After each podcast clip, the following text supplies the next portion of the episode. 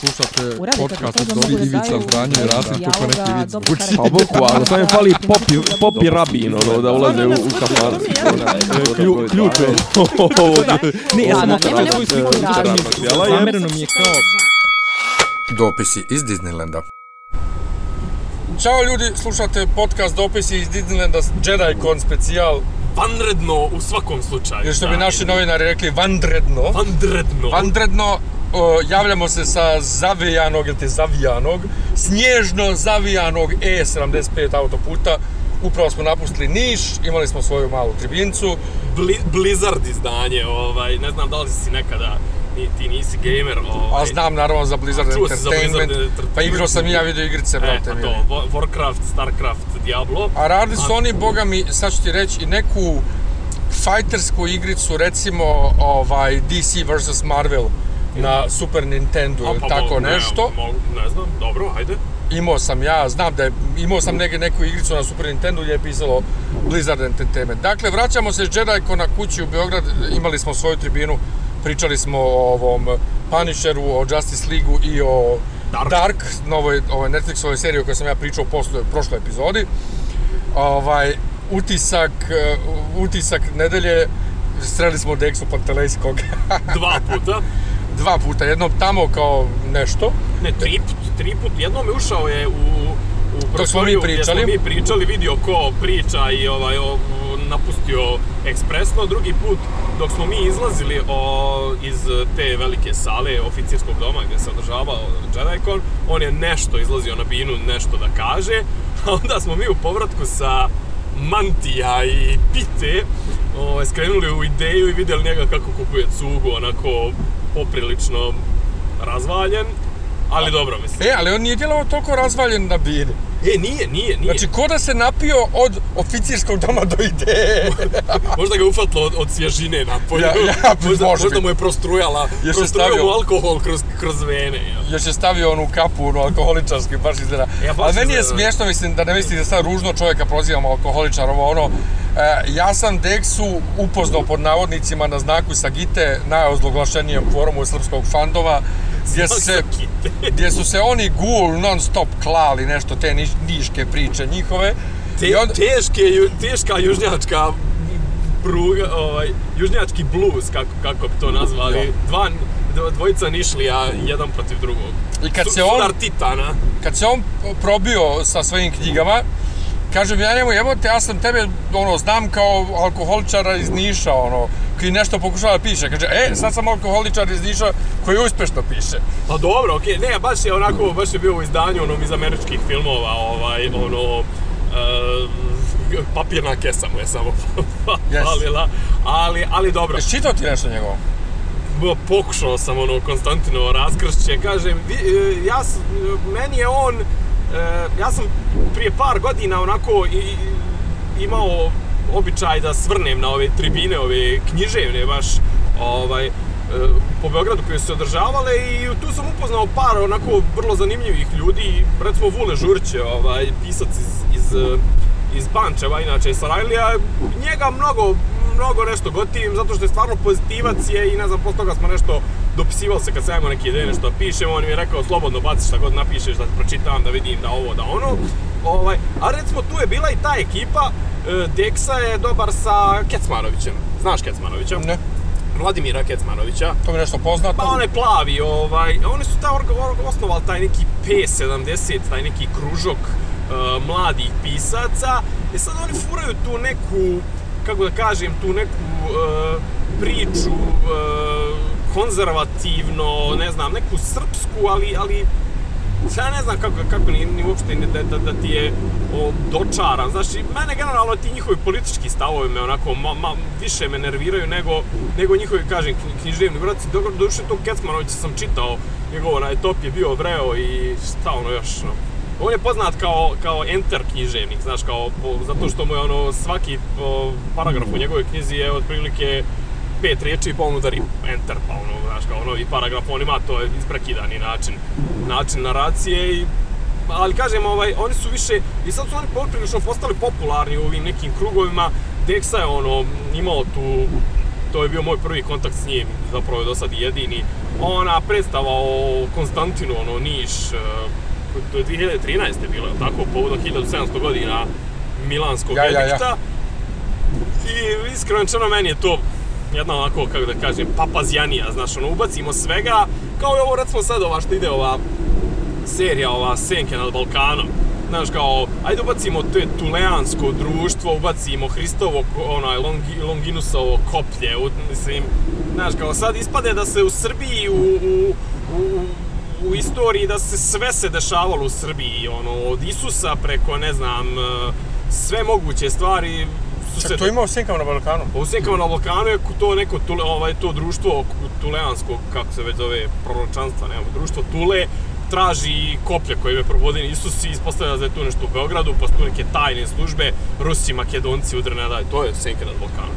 Ja inače htio sam da počnem ovu... Pa nisam imao pojma da, da, da u Senke na Balkanom, osim te što Ruse ocrniše, koliko Aha. čujem, da to ima i tih mističnih stvari.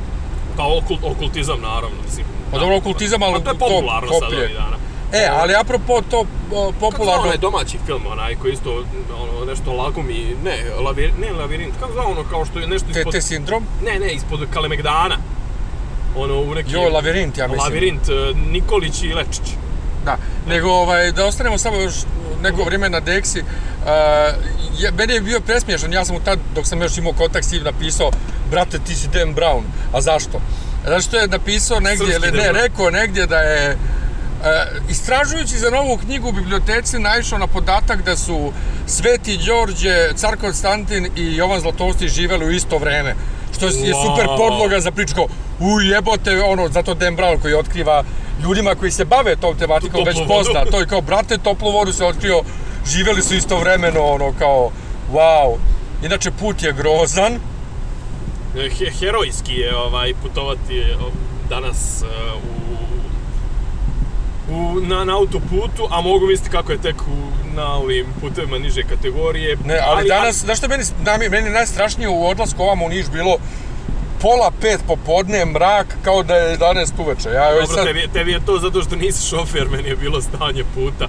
Međutim, ajde da stavim, da, da stavim ruku na srce i da kažem da ne treba kritikovati putare po ovakvom vremenu. Recimo, ja sam prije par godina isto ono bio, ovaj, putovao sam negdje kombijem, ono, vozio nas je profesionalac i on kao, ja njemu kažem, rekao, brate, rekao, je moguće, rekao, da ovo, da ovako, rekao, nečiste put, mislim, ono, vikend, e, turističke destinacije, ja sam išao na Koponik, on kao, ma ne, kao, vrate, nije, nije frka, kao, uopšte, ovaj, nije poenta u putu ili, ili u putarima, nego jednostavno vjetar toliko nanosi da bukvalno 5 minuta nakon što, ovaj, nakon što prođe prođe ovo sredstvo vozilo koje čisti put, ovaj, na, naiđe talas, ono, naiđe vjetar ili šta već, udar i donese sasvim novi sloj snijega, tako da ovaj, teško je u ovakvim uslovima i čistiti meni je, put. meni je sad žao što ovo nije video podcast, da, Da. ljudi, da ljudi vide ove ogromne pahulje koje hrle ka, ka šofer Baš izgleda onako kao putovanje u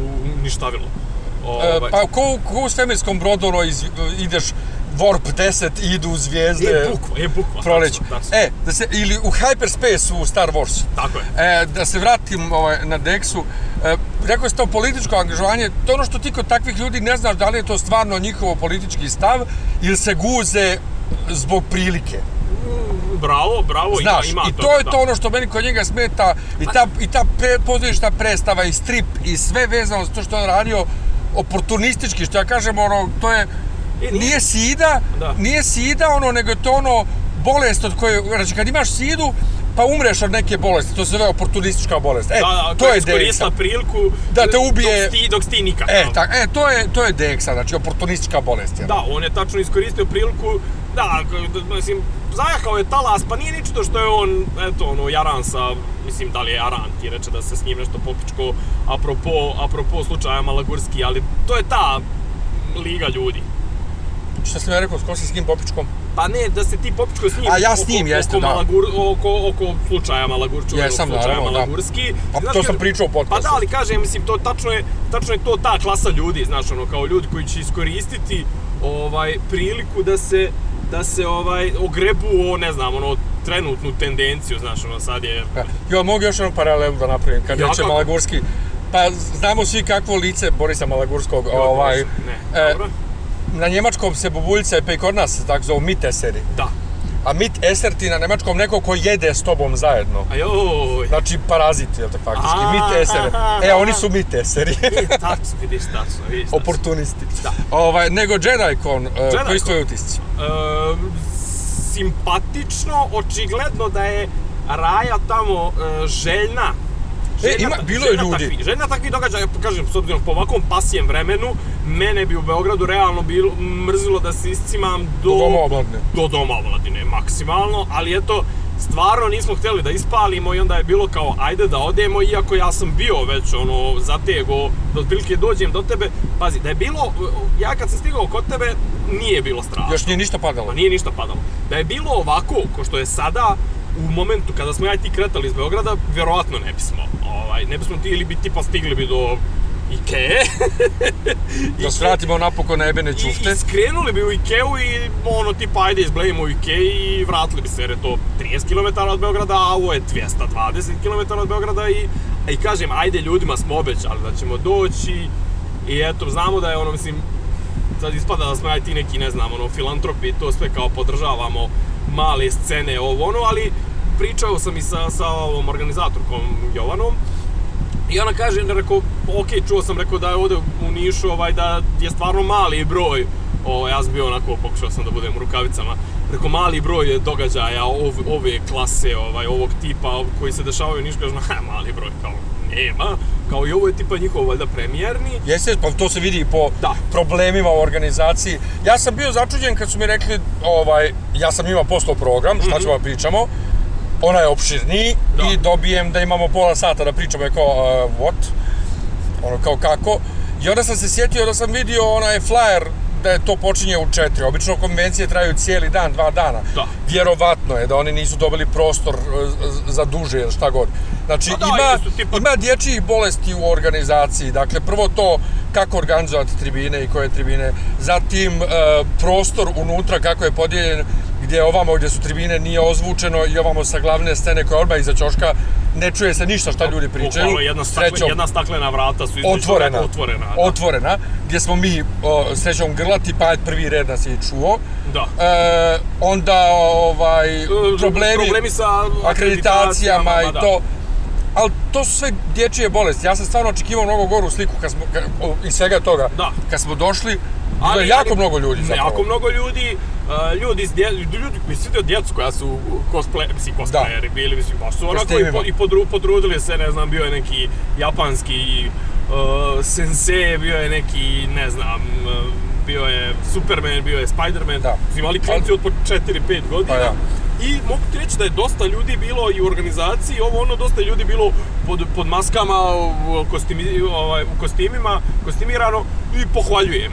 I osjeti se neki entuzijazam i šta ja znam, i iskreno rečeno ta mala, ta tribinska sala, ovaj, mi smo bili treći po redu i već i prva i druga, ovaj, prva i druga tribina su bile popunjene do kraja i ova naša je bila, ovaj, popunjene su bile sve stolice i ljudi su učestvovali jer je baš onako je bilo tip, ono, tip druženja kružok. Pa ja. Ono, Pa dobro, ali mi to i u... a, Znaš što me, mi to radimo i u velikoj sali Tako doma omladne, je. znaš, on, nije nama teško Ja- ja istinu, a ja tako to malo. volim, ja to volim. Pa volim i ja, znaš, ovaj, to je uvijek bio problem u Lazaru Komarčiću tribine, ex katedra. I onda ajde kako napravimo da sednemo svi u krug, da ono, sve dok ti pričaš ex katedra, način pričanja dok ti je ex katedra, možeš ti da sjediš u krug gdje se držimo za ruke, to će da bude ex katedra. I bit će dosadno. Znači, da. Znači, A, a opet s druge strane problem ovih kad dozvoliš previše ovaj e, ljudima iz publike da se raspojasaju, dobiješ tipa onu ribu iz Doma omladne koja nas je pitala za petu sezonu Game of Thrones koja je bila ovaj, pre dvije godine. koja je bila prije dvije godine ili dobiješ ABN koji, Pa da. koji priča neke sasvim 50 Da. stvari. Tako da, znaš, treba to i treba to znati, ali kažem, ovaj, mislim da si ti iznenadio čak i ove organizatore kad smo zapravo izašli, jer je prethodna termina je trajala malo duže i on sad mislim da ćemo i mi nešto tipa Da. da, da, otegnemo, mi smo tačno uklopili se u tih koliko, Pa ja. 25-30 minuta. Pa zato što jebi ga, ja, ja sam voditelj, ja, kad mi daš vrijeme, ja ga, kon, ono, idem. Tako je, tako je. Vučem. tako je. S tim što, znaš, ono, mislim, ja sam odabrao u glavi tri teme o kojima ćemo pričati, ja nemam više šta da pričam. neću da izmišljam. E, znaš, bravo, ono. bravo, pa da, bilo je u Ovaj- fazonu, da, da, da, da li da improvizujemo na kraju, da li da ne improvizujemo, ali nema potrebe. Ne, ne, nije bilo potreba. Bilo mi je simpatično Jovan Knežević, ovaj, naš e, slušalac i drug sa Drugar, da, tribina. da. Ovaj, on je imao sad isto svoju tribinu prije nas, pa je on nas najavio. Bokserski. Bokserski, onako. Ali bi bilo smiješno, ono kao, okej, došli smo iz Beograda u Niš, ali dalje je to naša atmosfera. I plus Bogdan, koji je posle nas bio Bogdan iz Valinora, on ti je e, jedan od tih šefova u onoj organizaciji Valinora. Ja znam šta je, znam šta je Valinor, mislim, ko ne zna, A ja Bogdana znam iz... ljubitelji high fanta, eh, fantastike, epske Ma ja, ja. to- Ali oni su isto poznati po cosplayu, znaš, to je ta druga Da, ekipa, da, da, ono, imaš. Isidoru i ove sa Kurabana, imaš taj Valinor. Su oni larperi, nisu? E, mislim da su i to čak, nisam siguran, ali ja Bogdana znam iz Photon Tide-a. Photon Tide je, pa udruženje iz Novog Sada, ljubitelja, ljubitelja naučne fantastike prije svega. Oni su svojevremeno napravili neku Star Trek konvenciju 90-ih, doveli Denise Crosby, sadašnju Richards, Aha. koja je glumila Tašu U. Jar. U, svaka čast. Tašu Jar u ovom uh, Star Trek The Next Generation. Ovaj, ali za njih je presmešna priča, ona se zovu Photon Tide. I kad smo pričali, kad smo osnivali mi Konef, koji više ne postoji, nažalost, ovaj, to je klub, klub obožavatelja naučne i fantastike, e, kaže Relja Trajković, predsjednik Photon Tide-a, kako su oni kao Photon Tide, brate, kako to zvuči? Kao, a mi smo htjeli zapravo da se zovemo Tachyon Grid, ali to je bilo previše geeky. da, za razliku od Photon Tide-a koji je ono Da, baš je onako, opšte poznata. Tako da eto, svratili smo do Niša, kupili smo mantije, kupili smo neke slatkiše, preslatke. Mhm, Ovaj, e, drago mi je, znači, iako smo samo protutnjali, da. drago mi je da smo bili, drago mi je... Upoznali smo se sa par zanimljivih ljudi Da. i nadam se da smo proširili malo našu ovaj slušalačku bazu. E, još jedno, kako da kažemo, onaj uspješno gostovanje odrađeno. E, mi smo ono bili smo za- zanimljivi kao i uvijek. Sami sebi, najbitnije. Naravno, da. Ovaj, Nego je bilo ver- verbalna, verbalna samozadovoljavanje, tako da kažem, ovaj, volimo sami sebe da slušamo. Jes, nego jel ovaj... Budžet 2018. Šta se dešava tu? Pa, Ja sam danas vidio neku vijest na, na, na, na, na, na fejsu je neko, da li Krik ili neko okačio Maja e, Gojković koja nešto umišlja šamare neke. Izrečene kazne, nešto, šta? Pa, Jel bilo nju- nešto? Nju non stop napadaju. Ona, ona izgleda ovaj, astralno se projektuju u njenim snovima i šamaraju je kao, ne znam, u sistemu ovog Alistera Crowleya, Jelene Blavatske ili ovih svih tih, kako se zvali ti, ti ovaj, ez- ezoterija, misterije i ostalo. Znači, ona je očigledno utripovala da... Mislim, sad idu, idu na tu foru, sad su kao provalili da to pije vode kod njihovog e, fandoma i sad guslaju tu temu kako nju non stop, nju, nju non stop zlostavljaju. Valjda, da li je neko prišao, nemam pojma ili tipa, ne, bilo je, e, bili su skupštinski odbori, su bili razno razni, ok, i ono je bio, ono je bio administrativni odbor, a, ovoga, z- z- što s Boška, ka, e, što je Boško gažio mišem ovog e, Martinovića, a to za Maju je, e, ne, ona je samo nešto prekidala, jer nemam pojma, sjednice. E,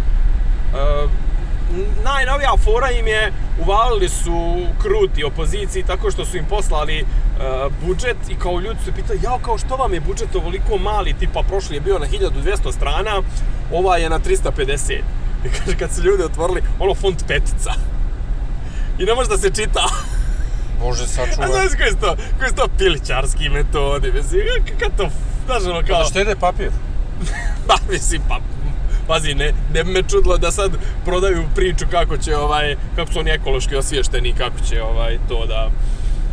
A što će ljudima plaćati oftalmologa, to nikom ništa. Pa to je, bukvalno kaže, ne znam ko je ono rekao, da je koristio lupu, ovaj, i plus ono, klasično njihovo, znaš, kao pošalju 24 sata ranije, pošalju ti ovaj, predlog eh, zakona o budžetu za 2018. godinu, koji je na 350 stranica fontom peticom.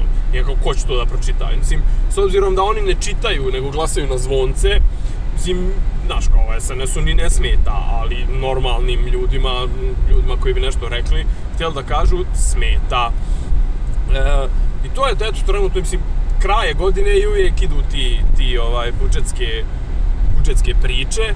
Ja sam umeđu vremenu... Ja, znaš, ja, od kako ne radim na, na, za državu Dobro.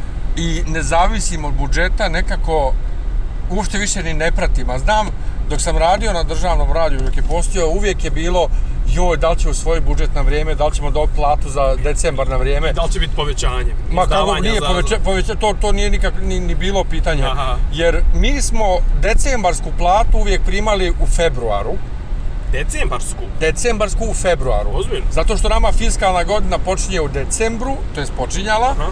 i zato što se budžet kasno usvoji, a Aha. obično se usvoji 30. decembra i probije sve rokove, e, prvih 15 dana ništa ne radi, drugih 15 dana se sve prolazi kroz knjige i onda u februaru kreće isplata. Mhm. Tako da se dešava ono po dva mjeseca, tri mjeseca ne dobiješ nikakve pare.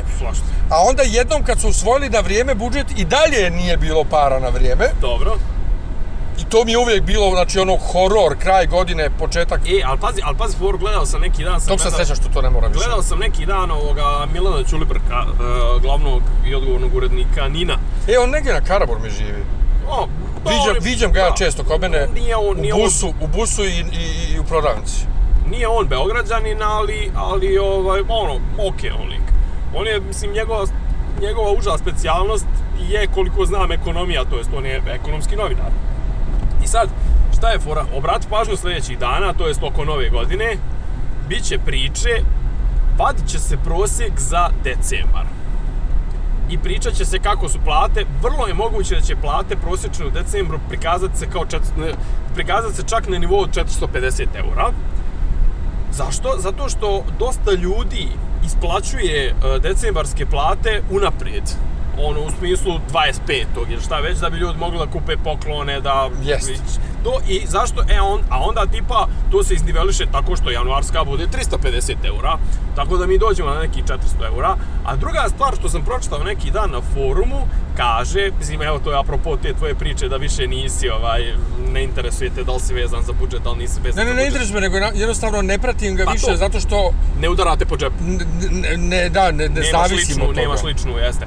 E, kaže, kaže for, uh, kaže, krenula je poreska i krenuli su dobro, dobro namjerni savjeti da firme koje drže ljude na minimalcu, ono, a isplaćuju im e, većinu plate na crno, da to više ne rade, da bi se prikazala ovaj realna situacija u, u, u platama, što okej, što ima nekog smisla, ali uvijek je toga bilo. Znaš, uvijek je, to, uvijek je bilo tih izbjegavanja poreza, da kažem, na, na nekom legalnom nivou, tako što, znaš, ono, ti imaš nekog outsourcera koji, ono, čak nije toliko ni zainteresovan da mu ti plaćaš socijalno, da on otvori preduzetničku radnju, on tamo sebe plaća ovaj, poreze i doprinose na minimalac, a tipa ono kao radi zaposlene, ne znam, kao stručnjak za kompjutere, administrator mreže, šta već, a zapravo je programer koji ono, naš firma, njegovoj fi- firma, ta njegovoj firmi isplaćuje 3000 eura i na tih recimo da je od, ako je od tih 3000 eura njegova plata 2500 eura, on bi, država bi trebala na to da uzme 1000 i nešto, 1200, 1300, 1000, možda čak 1000 i po e, ovaj, eura poreza i doprinosa. Međutim, on njemu isplate 3000 tako čisto, a onda ono te 3000 prijavi svoju platu da je recimo 22, 27.000 dinara, a na to plati 12.000 dinara, ili koliko je već imaju onaj neki neoporezivi dio 15.000 dinara ovaj, neoporezive plate, on na taj minimalac plati ovaj, poreze i doprinose i sad se vodi se zvanično da on zarađuje 200 eura, a zapravo zarađuje 3000. I sad je kažu država da je stisla to, to teško se prati. Znaš, ne možeš ti da upratiš sad kome ti plaćaš, ti plaćaš recimo, ne znam, tamo nekoj firmi za consulting, za ne znam, nija šta, plaćaš joj 3000 eura, ali ti ne možeš da da, ne možeš da upratiš da li to ide sve na plate, da li ne ide, i kao sad su krenuli su onako da ovaj, zašilje, ovaj, da zaoštre politiku, zašto? Da bi se moglo prikazati da u, u za- Zavodu za statistiku i svakako moglo prikazati da su plate realno veće, ali te plate su i dan danas, mislim, zato, zato ova država, kako da kažem, znaš, kao kad, kad pogledaš, e, kad pogledaš čisto po ciframa, znaš, kao, ne, znaš, prosječna plata je 400 eura, od toga, ne znam, recimo 20%, 10%, 20% ili 30% je nezaposlenih ljudi. Imaš izdržavana lica, imaš penzionere, imaš djecu, ono, znači, nemoguće je da taj fond plata koji se prikazuje realno, a to je recimo, ne znam, koliko je zaposlenih u Srbiji, recimo 2 miliona, puta prosječna plata 400 eura, nemoguće da taj fond plata i ta masa novca pokriva, brate, ti kad pogledaš po Beogradu, realno, kafići su puni ljudi, voze se dobra kola, ti odeš u turističku agenciju, provališ, recimo, ja, ja ono, malo, malo, ne znam, prijavljen sam na Facebooku na one neke turističke agencije tipa Jungle Tribe, ne znam, ono, Manga Travel, što ljudi, slikaju se ljudi iz Zanzibara, slikaju se ljudi iz Japana, tu pazi, ja zarađujem solidno, pa opet mogu ti reći, planiram put u Japan i štedim pare već godinu dana, znači to 1100 eura, plus takse, plus tamo valja jesti nešto, valja kupiti nešto, valja, ne znam, platiti te fakultativne iznose, znači to je jedno ono, za 10 dana, pa je, verovatno je 2000 eura. Što ja, ja razmišljam unaprijed, ko zna već koliko i unazad, koliko, kako da odem. Znači, I kažem, ono, očigledno da ima neki tih plata koje, i ja mislim da realno prosječna plata u Srbiji nije 400 eura. Ja mislim da je, verovatno kad bi se uzeli u obzir ti strani plaćenici, ti programeri, ovo ono koji muljaju nešto, da je možda i viša malo. Jer jednostavno ti sa 400 eura, ti recimo ili ja i, i da imaš ženu koja ne radi i dvoje djece ili da imate ti žena pa da radite imate dvoje djece brate, od, od 800 eura da plaćaš i kiriju i, i, i u Beogradu i, i ne znam, kupuješ djeci odjeću. Ali ne sve. plaćaj si kiriju. Šta? Pa većina ne plaća kiriju. Pa dobro i to što kažeš. I to što kažeš, ali opet, brate, za režije samo daš 100 eura mjesečno. Jel da? za infostan i to ko ima sreće da se da se ne grije na, na, na, na onaj ko, ko ima sreće da se grije na struju. Ako ima nesreću da, se, da, da ga centralno grijanje grije, on cijele godine plaća, ne znam, nija koliko, to je samo infostan je, bi te košta, ne znam, 7, 8, 10 hiljada, gdje je tu internet, gdje je tu struja, gdje su tu telefoni. Tako da, Ja. ovaj, kažem, znači, bilo je to, ovaj, bilo je, zavešće tu disciplinu, bit će ta muljanja oko plata, budžeti, ovo ono, ali kažem, ono, kraj godine, standardne neke priče. Nego, je li tu među vremenu bilo, kad je bio na incident sa Bakirom? Kakav incident s Bakirom? Na, na o, konferenciji za štampu. Kod nas? Pa da, kad su bili njih trojica. to je A bilo da, to je sad, bilo ono, ono prekjuče su sutradan, sutradan, sutradan nakon što smo ja i ti snimali. Ne, oni su bili juče pre, pre on, juče je bio tri juče je bio ovaj neki samit sa Gr, sa Grcima, Bugarima i, Rumunima. bio. Jutro sam ja gledao konferenciju za štampu, pričat ću. E, a. Bakir i ovi su bili prethodni dan. Ne, on su bili u... 6. i 7. Tako je. Pa To je 7. i 8. Jeli? Ne, lažem, 6. i 7. 6. i stvarno je 7. bilo. A on su bili recimo srijeda četvrtak. Pa ja. I šta je bilo? Nisi ispratio? Ne. Izašli su... Izašli su ovaj Čović kao predsjedavajući predsjedništva BiH, znači ono Ja, prvi među jednakima i Vučić. I oni su imali pres konferenciju, to znam, to sam prevodio, a šta je bilo? A i oni su sad ono kao, znaš, i sad kaže Čović u jednom momentu, e, mi ćemo, ne znam, valjda je mislio na Kosovo, ali se malo nezgrapno izrazio. Kao mi ćemo, koordinisat ćemo i pratit ćemo šta radi Beograd i u skladu sa tim ćemo se mi postaviti spoljno politički. Pa ja, zato što je naša vijest glasila na RTS-u da je dogovoreno da Bosna ne priznaje Kosovo i da Bosna usklađuje svoju politiku prema Kosovu u skladu sa beogradskom politikom, odnosno da ne priznaje Kosovo sve dok Beograd ne odluči drugačije. Dobro, okej. To je rečeno što, tako. ima, što ima smisla. Što? Pa ima smisla u smislu da ako Srbija prizna Kosovo, što ga ne bi Bosna Ne, priznala? dobro to, ali zašto bi e, Bosna čekala da Srbija prizna? E, ali, to je pojenta. Znamo i ti što bi čekala, ali... Da, pa počeka zato što ima milion i, kusur. Pa zato što će ovi da blokiraju, mislim. Pa naravno, to Jer oni ne mogu, oni, oni bješe ne mogu dva protiv jedan. Moraju biti... Mogu, mogu dva protiv jedan, ali taj jedan mon, može onda da pokrene e, zaštitu vitalnog interesa i da se to onda spusti na entitetski nivo i onda tipa Republika Srpska donese da je ono odluku Skupštine ili šta već. U svakom slučaju može da se blokira. Može da se blokira, Okej. da, može. E, međutim, i znači, u tom trenutku, kažem ti, Čović je to rekao, ali valjda nije rekao ga Kosovo, ili možda čak i rekao, mi ćemo našu politiku u vezi sa Kosovom sinhronizovati sa Beogradom i ne znam, Da. ja, e, na što je Bakir mimo bilo kakvog protokola, mimo... Dobacio. U sta, u, prišao za mikrofon, ufatio mikrofon kao u kafani, ono, kao ček, ček, imam ja nešto da kažem. I kao, e, samo da kažem, neće se spoljna politika Bosne i Hercegovine određivati ni u Zagrebu, ni u Beogradu, ni ništa. Bos, e, spoljna politika Bosne i Hercegovine se određuje u Sarajevu. Wow. Ali pazi kao, znači, uopšte nije bilo predviđeno da on bude govornik. I onda je našto je Vučić onako poentirao sa onim njegovim zloradim osmijehom jer mu se Bakir namjestio. Kao, ha, pa evo, kao ovako vam je kao u- kod njih kao u vezi sa svim, znaš, kao, mislim, ono, jedno se govori, drugo se kaže, ne znam, ovo, To je rekao ono. tu on. Da, da, na licu mjesta. O, Znaš, ovaj, moram to da vidim. Da, da, da, da. Pa kao, ovako vam je kao u, u, u vezi sa svime, sa svime kao kad kad se razgovara u Bosni Hercegovini, kao očigledno nema, nema jedinstva, znaš. Čekaj, je ovo prvi put da ja kažem nešto wow za Vučića i bravo što mu je spustio? Pa, pazi, e, šta je fora? Jedino čega se ja bojim... Znači, toliko ne volimo Bakira da... Nije, ne, pazi, ja, meni Bakir, meni Bakir ne smeta u smislu da on zastupa interese svog naroda. Ne, meni Bakir smeta što je Bakir, ništa A drugo. Bakir je seljak i posljedica nepotizma. To je problem sa Bakirom, što Bakir vjerovatno bi bio, on je mislim da je on pravnik, on bi bio vjerovatno negdje sekretar neke opštine Busovača, da, da nije Alinsi. Ovaj, međutim, kažem, e, šta, šta, šta je ono što, što meni sreću kvari? Ja, kakav sam paranoičan i ludak i, svašta, ja i dalje, ja mislim da je to dogovor Bakira i Vučića. Šta, da ovaj Da izađe? ovaj njemu nabaci na volej.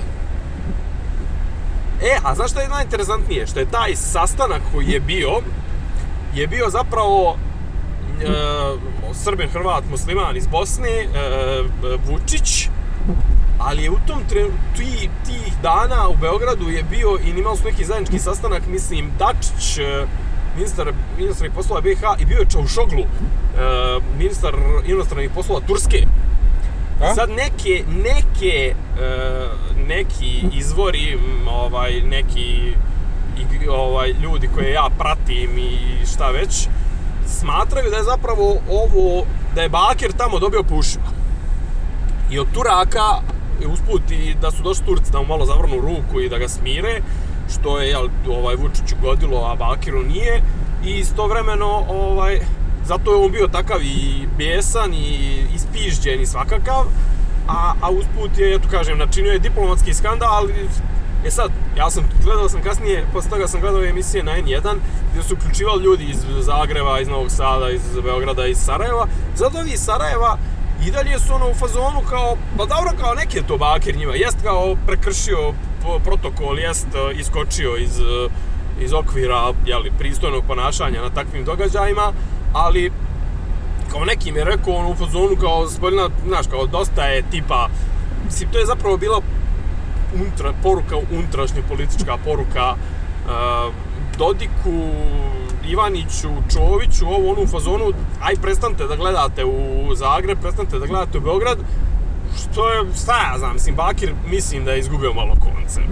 Ali u svakom slučaju bilo je smiješno, Pa, s jedne ono, strane upada, upada, jeste, da, ali ja kao što malo pre rekao što bi Bosna čekala, da. slažem se, znaš. U načelu se slažem, samo što mu je izvođenje, izvođenje njegove akcije bilo... Pa dobro, ali to je Bakir, jevi A. Bakir ne otes. a. Ovaj, nego Gujona smo obradili u prošloj epizodi, jel da? Pa nešto, ali ja bi iskreno rečeno, ne znam ništa, ne znam, mislim... Ne, ne, sam- obradili smo ga, jesmo Pa i malo, pre, pomenuli smo pred kraj.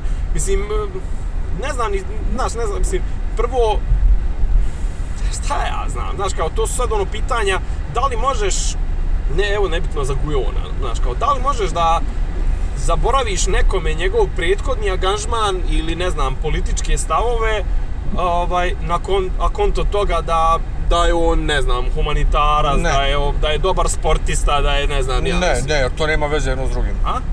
Ne možeš jer to nema veze jedno s drugim. Pa Ne možeš mu zaboraviti, A, ne. dobro, pazi, govorimo o periodu, ne znam, nešto kad je on tipa imao 19, 20, 22 godine i ovaj, i tipa govorimo o Pa nije on bio valjda predsjednički kandidat sa 22 godine. moguće. Mislim, ali ja ne znam da li je to Pa koliko on dozvoljeno. ima godina, brate? Ma nema on puno, ima 30, 30. U vrlavi je 32, 3. Ne, ali ja sam još rekao u onoj epizodi, ja ne mogu ljude koji kukaju po fejsu, vidiovi su me dirali, ovaj, znaš. I ja sam recimo danas sam pročitao u vremenu, pročitao sam njegovu rečenicu, s obzirom da znam ko je pisao tekst, s obzirom da znam ovaj, e, koliko je ta osoba kao i ti ovaj pedantna u, u apropo toga šta citira, šta Aha. šta ovaj e, znaš kao ko provjerava 179 km do kuće. da Joj. ovaj tipa d, Jovana Gligorijević je citirala Gujonovu neku rečenicu koji je rekao tipa moja osnovna i prva zastava to je ona zastava koju nikad ne skidam, to je boja moje kože. Jest. To je, to je i ovom tekstu na Vajsu, da. Jel? Da. Jel ima je tu? Ima, da. Ovaj, To je e, to. znaš, ono, kažem, ona, ona ne bi se frljala sigurno takvom, takvom izjavom, ovaj, da, je, ni, da nije ono, Ne, ne, jest to rekao, trostruko, jest. trostruko provjerila. Rekao, rekao vam to. Da to mi je onako, baš mi je onako, znaš, patetično bljutava rečenica. Tako je. Nije ona netačna, da se razumijemo. Nije, ali je... mm, baš- Nije ona ni loša po sebi. Ja, ali udara na taj sentiment koji meni Znaš, je gadan. e, Ja. me- e, ima, imali smo tu priču, sad skreće malo. Izvini, prolazimo jednim divno romantičnim... Meni se sviđa, ga. Jo, i meni isto. A? Da, i meni isto. e, Drveće koje je sad potpuno bijelo i ovaj... Ispod toga snijeg. I sve je bijelo netaknuto, još uvijek još nije bljuzgavica. Da. E, i, i, imali su ovi Sakurabane, to je isto ono, kad su radili cosplay crnih likova, pa kad su ih ovi neki kritikovali tamo, bla bla bla, zbog ono blackface. kao... Pa da, ovo ono. Gdje ti ne možeš objasniti e, ljudima tamo s one strane bare, da mi nemamo taj teret rasizma koji oni imaju. Joj, to jesmo pričali, mislim pričali smo vjerojatno i o tome sto puta, ali... Ne, ne, i sad to, kao, Sr- pazi. Srbi rasisti, što, to je po meni oksimoron, mislim, ono, kako Ali dobro, mi jesmo rasisti. Jesmo, ali mi ne možemo imati taj osjećaj, e, naravno, mislim, mi smo rasisti u smislu da, ono, vi smo, ali mi smo više ono white supremacy, a ne, ne, ne veličamo mi rasizam, mi nismo imali rasizam. Nismo, ne, izvinjam, Pa u stvari ropstvo, ropstvo, ropstvo, izvini. Da, ropstvo, da. Da, nije kao, e, zapravo cijeli taj Ne, ne, teret ali- iz zapadnjaci vuku iz o, o, taj osjećaj krivice prema bjelci, prema crncima iz prostog razloga što su ih Tako iz, je. iz, iz, izraubovali, iz, Pa to. iskoristili. Ali i na- mi nemamo taj teret. Pa ne Tako ako možemo sam, ako sam ja slučajno ponosan na to što sam bijel, A da, to meni- nije, to nije isto kao kad bi bijelac u Americi bio ponosan na, na to što je bijel. Iako je meni potpuno umobolno i to što su- imaš sad to sa crncima, taj crdački ponos i crdačku televiziju, ono, Black Entertainment Television, to, znaš ono, i sad, to u... I sad ja ne smijem da imam ovaj white entertainment već. Znaš, malo mi je to, zaboravljaju ti naši social justice warriori da mi nismo Amerika i da mi imamo druge društvene okolnosti, jer smo imali druge društvene okolnosti. se sjećaš ti, to je, to je ovaj, to je u, mislim, u e, prvom, e, u prvom mrak filmu, kao kad, kad se desi ono ubistvo, jeli, Carmen Electre, i kao sad ono razne televizije pokrivaju taj događaj kao Black TV i kao sad sve crnc, crnac, kameraman, crnac, kao uh, White girl has been assassinated, they're gonna charge black guy, now let's get out of here, znaš, kao, Pa ali ovaj, e, ali, ali to je recimo, e, a to je isto tema ovaj, ko- koju ćemo možda nekad obraditi, to, to primanje na te neke angažovanosti društvene koje su kod nas potpuno neprimjenjive, znaš, kao to vidjela žaba da se konj potkiva pa je ona digla nogu, e tako je ovo kao vidjeli naši lupam sad, lup, Libek, recimo, libertarijanski klub. Znaš, kao sad, sad oni su se primili na te mantre američkog, eh, američkih libertarijanaca koji su ono u fazonu potpuna sloboda, znaš, ono, e, država da ne postoji, malte ne samo da ima vojsku, e, eventualno sudstvo, znaš, kao, i mi ćemo sve ostalo sami da odradimo, pa ne može se taj duh se ne može bukvalno primjenjivati kod nas, jer prvo mi nemamo tu, mi nismo preduzetnička nacija kao što su Amerikanci. Amerikanci su nastali na, na preduzetničkom duhu kao, kao narod. Druga stvar, u Americi, mislim, sasvim drugačija fizi- fil, filozofija iz koje smo mi potekli i iz koje jesu Amerikanci potekli. Mi smo pre potekli, mislim, nama su filo, filozofiju i shvatanje života i dan danas je više kreirali tu, kreirali smo je u vremenu pod turskom okupacijom nego što smo Srbi od kad su došli na, na, na Balkansko poluostrvo, od kad su imali neke oblike organizovane države do ovamo i dalje to je kraći period nego što smo bili pod Turcima. Znači mi smo imali nešto tamo ono, od recimo od Nemanjića, to je znači 13. vijek, 14. već tad su pobojavali se Turci početkom 15. vijeka. Turci su u polnom nekom punom kapacitetu očili poslije Berlinskog kongresa, ne znam, 1860-78. kad je to bilo. Znaš, a recimo, ono, ne znam, prvi neki hati šerifi su bili 1830. Znači, otprilike 400 i nešto godina, a mi ovdje prije toga dva vijeka i još nemamo dva vijeka komplet ovaj, srpsku državu. Znaš kao, mi smo formirani su sasvim drugačijim okolnostima i sad ti, znaš, kao vidio si, ili recimo ovo, ne znam, Mi smo ti koji su u ovoj- u ovoj priči crnci. a ne, ali kao, antivakser, Ja, uh, flat earth, ja. Znaš, kao sve te neke gluposti američke, new age, mislim, i Protestantske. protestant, znaš kao, sve te stvari koje smo pokupili negdje od, od Amera, zašto smo mi pokupili od njih, znaš kao, pomoću interneta, preko televizije, pre, to kao kreacionizam. Aha. Jel, jesu, jel postojao kreacionizam kod Srba? Ne, ne, ne bi Ne rekao, u ovom znam. obliku, mislim, ono, Ne. se pojavljivali čak i kroz te crkvene tekstove, ja mislim da kod nas niko nije tako rigidno čitao Bibliju, ono, u fazonu sad brojao koliko Ne. oni, ne znam, ona je živio 900 godina, Metuzalem, Ne, ovaj njegov, ne, ne, ne, tako? ne, ne, ne. E, ali kad reče ovaj, e, kako ja kažem, protestantske gluposti, ovaj, imaš i kod nas, kako ja kažem, pravoslavne gluposti, gdje neke vladike, recimo, ne daju da se ko- kod crkava postavljaju ono, oni kombi za davanje krvi, znaš, da poslije liturgije ljudi dođu, zato što onda Hristova krv ovaj ode, jel te, Jo. kad se pričaste pa ode Hristova krv, znači oni ne znaju najosnovnije ono biologiju kako ide krv. Znači ljudi, ovaj, ovaj atmosferski zvuk koji čujete, e, ovaj, kako se to zove? Huk. Jeste. Huk, to je jednostavno, vozimo se kolima i, ovaj, i snimamo. I Jer- čuješ da vozimo se kroz, kroz neku mješavinu e, vode i snijega. Vode i snijega i bukvalno je ko onaj, pa ko u filmu, zamislite, ja sad trenutno što vidim, što rekao malo prije, šofer Šajmna je kao ovaj hyperspace u Star Warsu. Da. E, šta Da li bila još neka tema da pređemo na, na, na, kratko na entertainment i da politika, završavamo? politika, ne znam uopšte da li je bilo nešto ovi... Zvezda i Partizan su ovaj, Prošli? pla- plasirali se, proljeće će biti na, ovaj, i na JNA i na Marakani.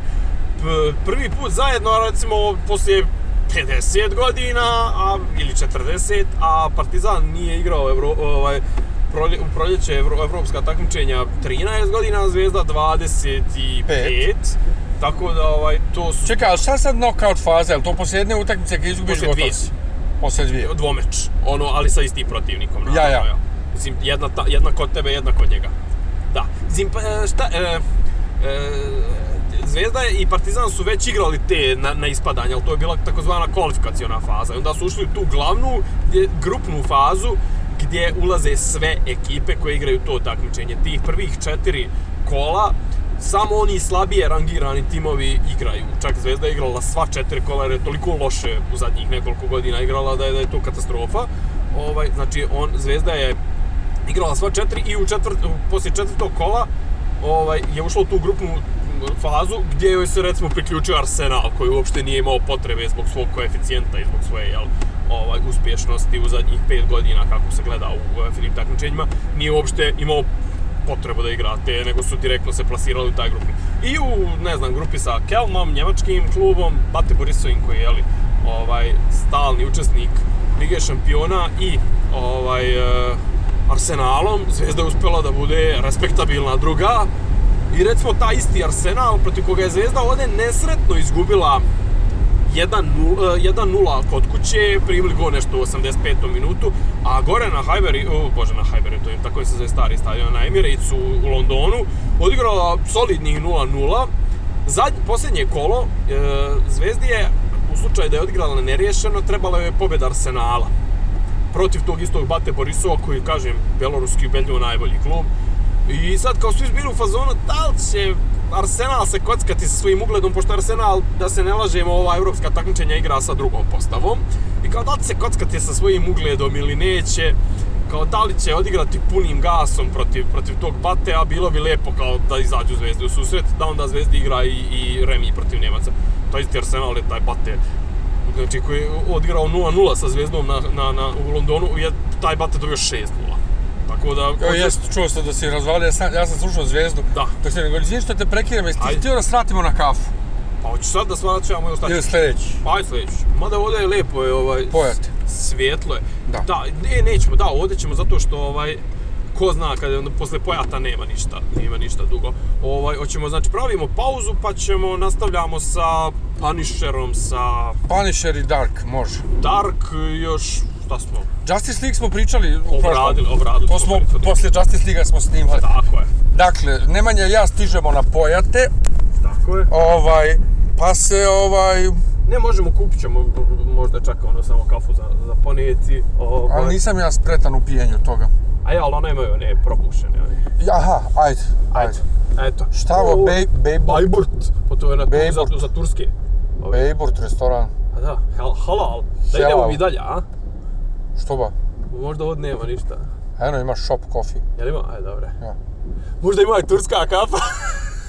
Pošto je turski Čud- restoran. Čudilo bi me. Što? E, Eto. Čujemo se. Čujemo se u nastavku. O, istroj. I evo nas, ovaj, Nastavljamo, nastavljamo. nastavljamo. Jesi imao problema da se sporazumiješ u, ovaj, Bajburt, halal, Ha- halal, halal. restoran. Türk, Türkije restoran. E, za, Ovaj, o, e, sjećam se ja kad sam bio ovdje jednom, zamalo.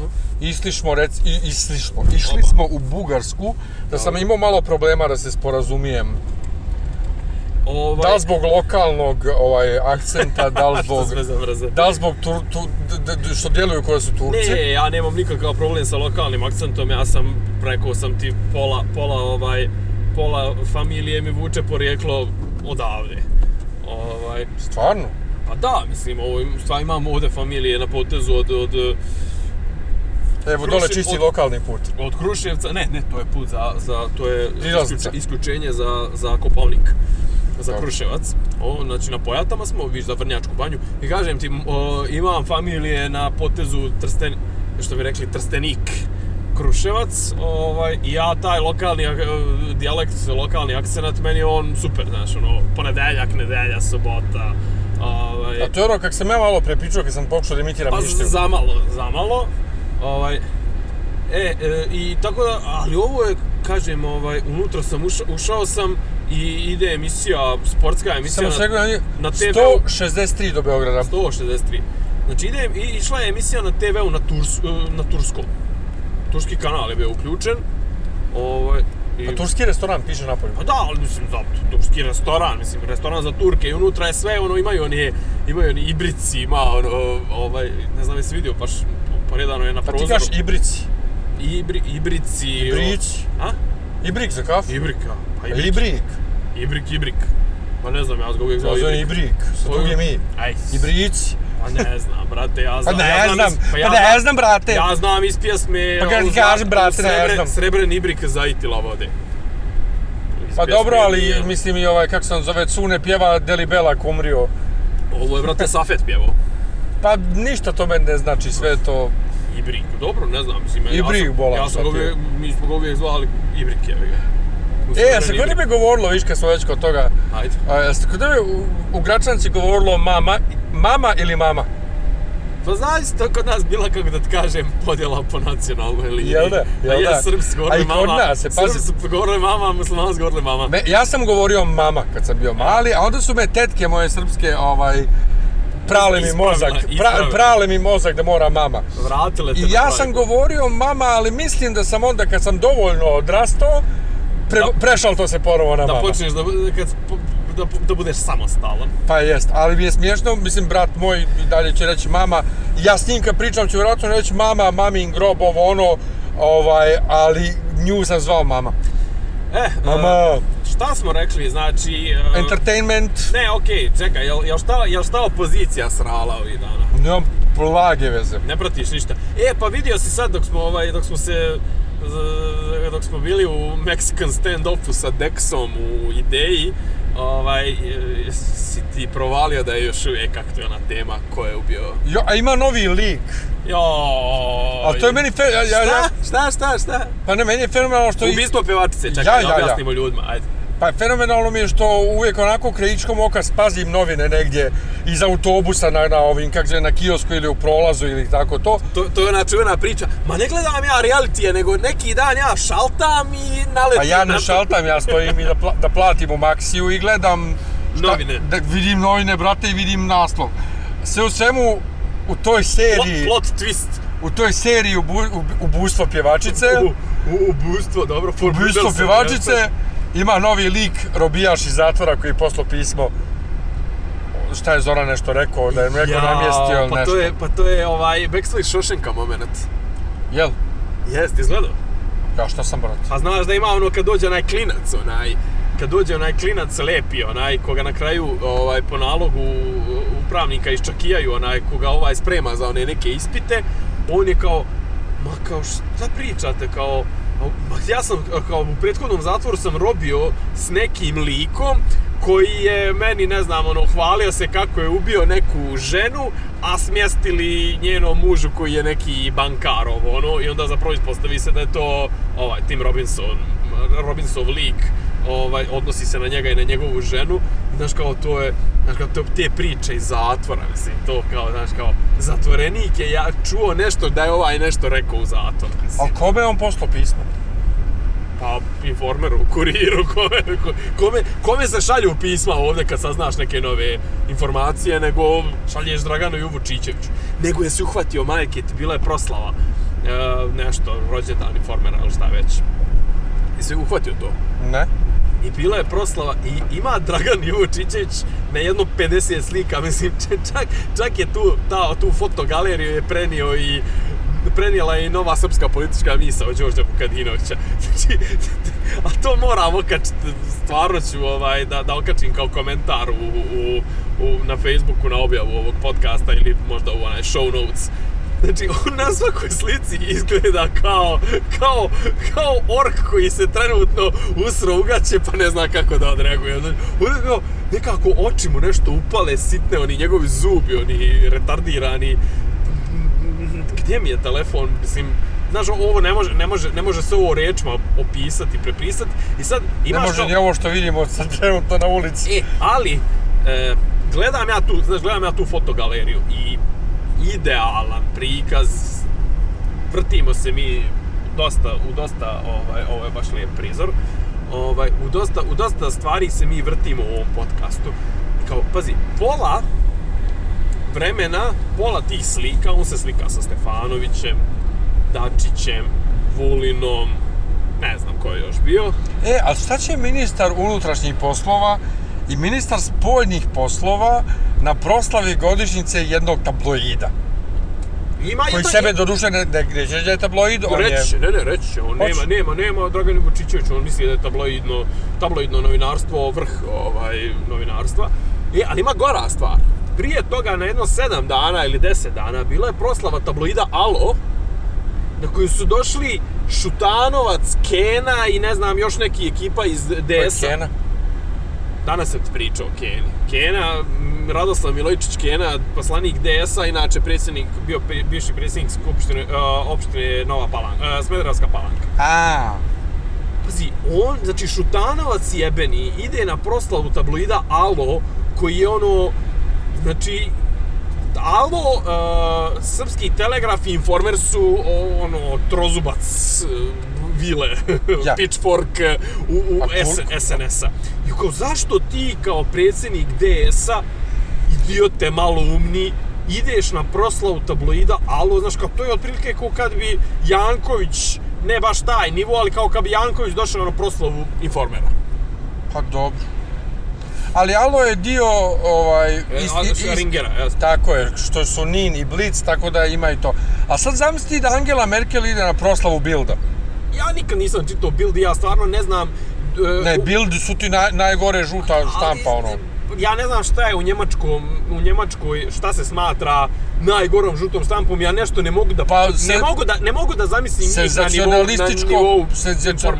Jesu, brate. A ne, ali ne mogu da Senzo, zamislim, senzacionalističko plasirane lažne informacije. Ali je li baš na ovaj način, ono, tipa Pa ima, ima muda ili ne znam ja. Ima i toga.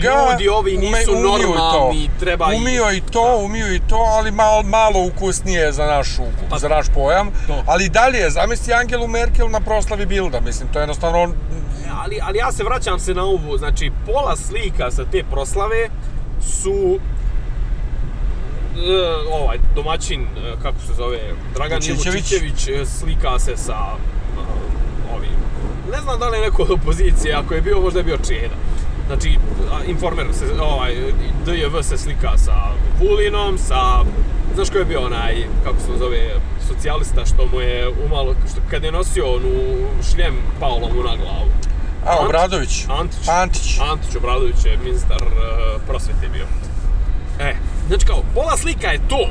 a druga polovina slika su Tijana iPhone, uh, Mimi Oro, znaš kao, i sad ti pričaš, znaš kao, ti pričaš, ne znam, ministar obrazovanja koji je jedna potpuna cjepanica, jedan potpuni balvan, koji je isto imao opet, imao i on, jesmo se osvrtali na to, u njegovu izjavu o, o, o školskom nasilju Nismo. vršnjačkom nasilju, ajde ispričat ću ti, napomeni mi. O, napomeni me, znači kao, sad ti, ti tu pričaš nešto, d, d, d, zemlja Srbija, napredak, e, evropske integracije, e, integrišemo gej zajednicu, premijerka Brnabić, ovako, onako, znači kao, ti sad to, Mislim, kakvu sliku sad šalje uopšte, kako, kako tvoja priča može da bude ozbiljna kad si ti na istoj proslavi na kojoj ta isti Dragan Jevučićević hoće da se usire u gaće što se slikao sa Mimi Oro. A Mimi Oro, mislim, žena se proslavila i zašto bi neko uopšte zvao na bilo koju svoju proslavu ženu tipa Mimi Oro koja se proslavila time kad ju su je pitali koja je, ne znam, najveća tica ili kao, sa su nju pitali uopšte, pa je ona odgovorila Oro. Da li ju su je pitali tipa, tražili da je, ne znam, ono, koja je najveća životinja, ptica, izumrla ptica, ptica Dodo, Feniks, nebitno šta su je tražili, ona žena odgovorila oro, znaš. Kao, šta, kakvu ti poruku šalješ time što ti tu ženu uopšte stavljaš u novine, znaš kao, okej, da ona sad neka prepička, pa ti kažeš jebeš u mater, mislim, ono, ne znam, ima recimo ona Emily Ratkovski, ili kako se već čita, ona nije ni ona neka bistrina baš, mislim, ali žena ako ništa lijepo izgleda, mislim, lepa je, ona je proslavila se u onom spotu Robina Tika, ono, Blurred Lines. Aha. E, i kao, eto, žena je postala je faca, postala je popularna zato što je lijepa, nema šta, zgodna, ono, brate, ima 50 kila, ima grud prirodne, lijepe, sve, sve super. I kao, ajde kapiraš, ono, znaš, lepa žena. Ova, brate, ova žena izgleda kao, kao, ono, sva iz plas, plastična, brate, ima 25 godina, izgleda kao loše urađen prelaz sa muškarca na ženu od muškarca koji ima, ima 40 godina, pa kao sad pokušao od nje da napravi ženu. Znači, ono, plastična usta, loše lice, ono, sjebana već šminkom, ovo, ono. Kao, i ona se proslavila time što je lupila nešto nekad na, na televiziji, lupila na internetu, postala mim, ali onda skapiraš zapravo da sva naša politička, društvena elita i ljudi Jedan koji su veliki trenutno... mim. Jedan veliki mim. Svi koji su trenutno neki kurac na vlasti su mim. Divica Dačić, on, on je hodajući mim. On neki dan je imao ono, jesmo, jesmo i to pričali ili mislim, ne, pričao sam to na, na drugoj nekoj strani, sam pričao. Znači kao, isprovalio kakav je modus operandi, uopšte, kakav je način nastupanja Ivice Dačića. On je ono, Da će oni nama da kažu. E, pa to, zabavljač ispred, ispred, ispred skupštine, ispred, bože, ispred, ispred e, prodavnice, ispred dragstora, znaš, onaj kao seoski mudrac koji je ono non stop polu pripit, nego ono kao podjebava stalno, znaš. Neki dan je imao ovaj, ispade, bio u Americi kao, pa nismo mi izmislili poreske rajeve, pa vi ste izmislili te poreske rajeve. I druga stvar, mislim, niste ko Srbi gostoljubivi. Mislim, to, znaš, i kao, sve oko, oko Ivice, 152 km.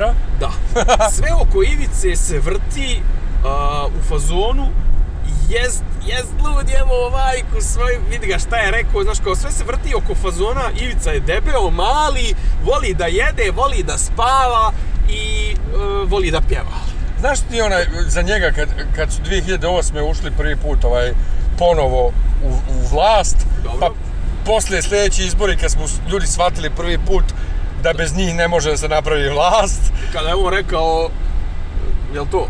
ne, nije on rekao, nego su ljudi rekli, znaš onaj mali, debeli, dlakavi u porniću koji izgleda, ono, misliš da, da, da njega niko ne bi htio u životu, a on na kraju pojebe sve u porniću. Ron. E, e, pa, mislim, naravno, Ron. E, to je Ivica Dačić. Da, da, da, da, ne, on je ono, on ima tačno onaj kao, kao u onoj baj, e, bajka o, o, tri praseta, crtač zapravo, onaj tri praseta, pa sad on onaj kao pametni prasac, znaš, kao onaj što je zido kuću od cigle za razliku od dvojice burazera koji su bili blesav pa zidali od slame i od drveta.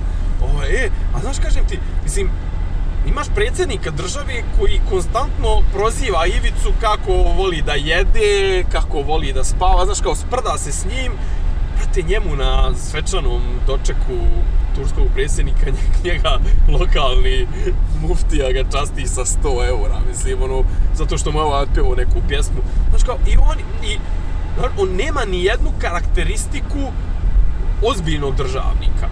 Ne govori engleski jezik. Kad govori, to zvuči komično. Mislim, kad mu napišu, ono, transkribuju mu na srpskom kako treba da zvuči. Pa viš, meni je to okej. Šta? Pa to kako on govori A engleski. nemoj kad da ga govoriš kad ga ne znaš. Pa Ne, ne, to? meni to okej, Pa znam, s tim što to nije okej za nekog koji je ministar spoljnih poslova. Pa to o tome... S tim ti što, s druge strane, da podsjetimo ljude ako ne znaju, zvanični protokol za spoljnu politiku je kad negdje odeš ili ti neko dođe, ti pričaš svoj jezik, on priča svoj jezik. Nikakav problem. I, Ni- i mora, mora da bude prevodilac. Zato je, ovaj, kako se zove, Vučić, kad je bio Putin, napravio užasan gaf što mu se obratio na ruskom i onda rekao, tražio maltene blagoslov, da ne kažem dozvolu, A sad nego isto- blagoslov da, da priča srpski. A sad je isto, sad je isto ovaj napravio sličan slično sranje. Je napravio ovaj e, bila je ta neka mislim on naravno sad kao pre, predsjednik prima sve koji dolaze u Srbiju. I sad bila je neka predsjednica slagač pred Rusko du, Dume nekog onog gospodarstvujućeg Sovjeta ili šta već. I sad kao, on je s njom pričao, a to je on priča, priča da se snimalo, znaš. On s njom priča na ruskom. Znaš kao, izvini prijatelju, znaš kao, ako na, doduše on ni na srpskom ne bira riječi, ali znači, tvoje, tvoj posao je da budeš što precizniji, što koncizniji, što ovo, što ono. Znači, zato su dovedeni prevodioci, da oni prevedu tvoju druga stvar. Bolje je pričati sa prevodiocem, kupiš vrijeme da smisliš sljedeću rečenicu, da osmisliš nijansu, nuans, što bi rekao ovaj Nuansu, da. nuansu, ovaj, znaš kao, ima to svoje. A on, a on, znaš, kao sad će on da, da se iskurči, i kažem ti, i sad taj snimak tog njenog, njegovog susreta sa tom nekom gospođom iz Dume, potpuno nebitnom, trajao je recimo 20 minuta. To je išlo integralnom, integralni snimak je išao svaki sat vremena na Pinku. Zašto? Da se impresioniraju seljaci kako on priča ruski. E sad kažem, s jedne strane ti imaš njega koji... Učita mi Sana Karenjina. Imaš njega koji bez čita bulgako. Ovaj, ili čak možda i, i ovaj, to nikako kod kuće imam, kod kuće Harmsa, ovaj, ali mi u, u Bijeljni su njegove sabrana djela. Znači, imaš njega koji sebe prezentuje kao omnipotentno biće i sva, me, kod nas medijska strategija, sva ma- medijske, medijska sva slika, medijski ono, cirkus, sav se svodi na to da se on prikaže kao Superman, a on onda, znaš, kao, istovremeno prikazuje, uh, uzmeš za ministra inostranih poslova čovjeka koji ne govori engleski. Pa mislim, znaš kao, mislim, šta- sad tipa recimo, ne znam, A za ono, ministra odbrane čovjeka koji nije služio vojsku. na primjer. I sad kao, znaš, kao to ono, tipa neformalni ti kontakti, znaš, kad kažu ono, na, na obodima sastanka, na, kako ono kažu? Na marginama. Na marginama, izvinjavam se.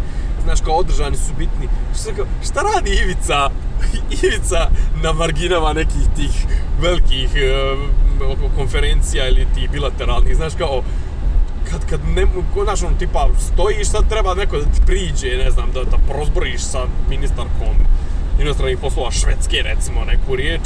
I ono, Ivica kao, šta ti Ivica radiš na ta, u takvim momentima kad ono prođe taj protokol zvanični dio i ovo, pa kao ja vjerojatno, kao ja oko švedskog stola, ono, nabadam na čačkavac, mislim. Jer, jer ne zna, ne zna se sporazumijevati ni s kim, na bilo kom jeziku.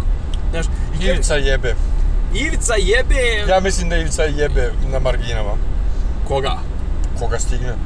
Ali on ne jebe ove strance. Strankinje on ne jebe jer nema čime. Ne može, nema kako da ih startuje. On može da jebe samo ove neke naše zato što im dijeli ove konzulska mjesta i, i, mjesta od pravnika poslova po razno razni. Mislim, i, i, i, ali kažem, i vraćam se na ono, znači, znaš, kao, imamo, kod nas trenutno ti je spoj estrade i politike.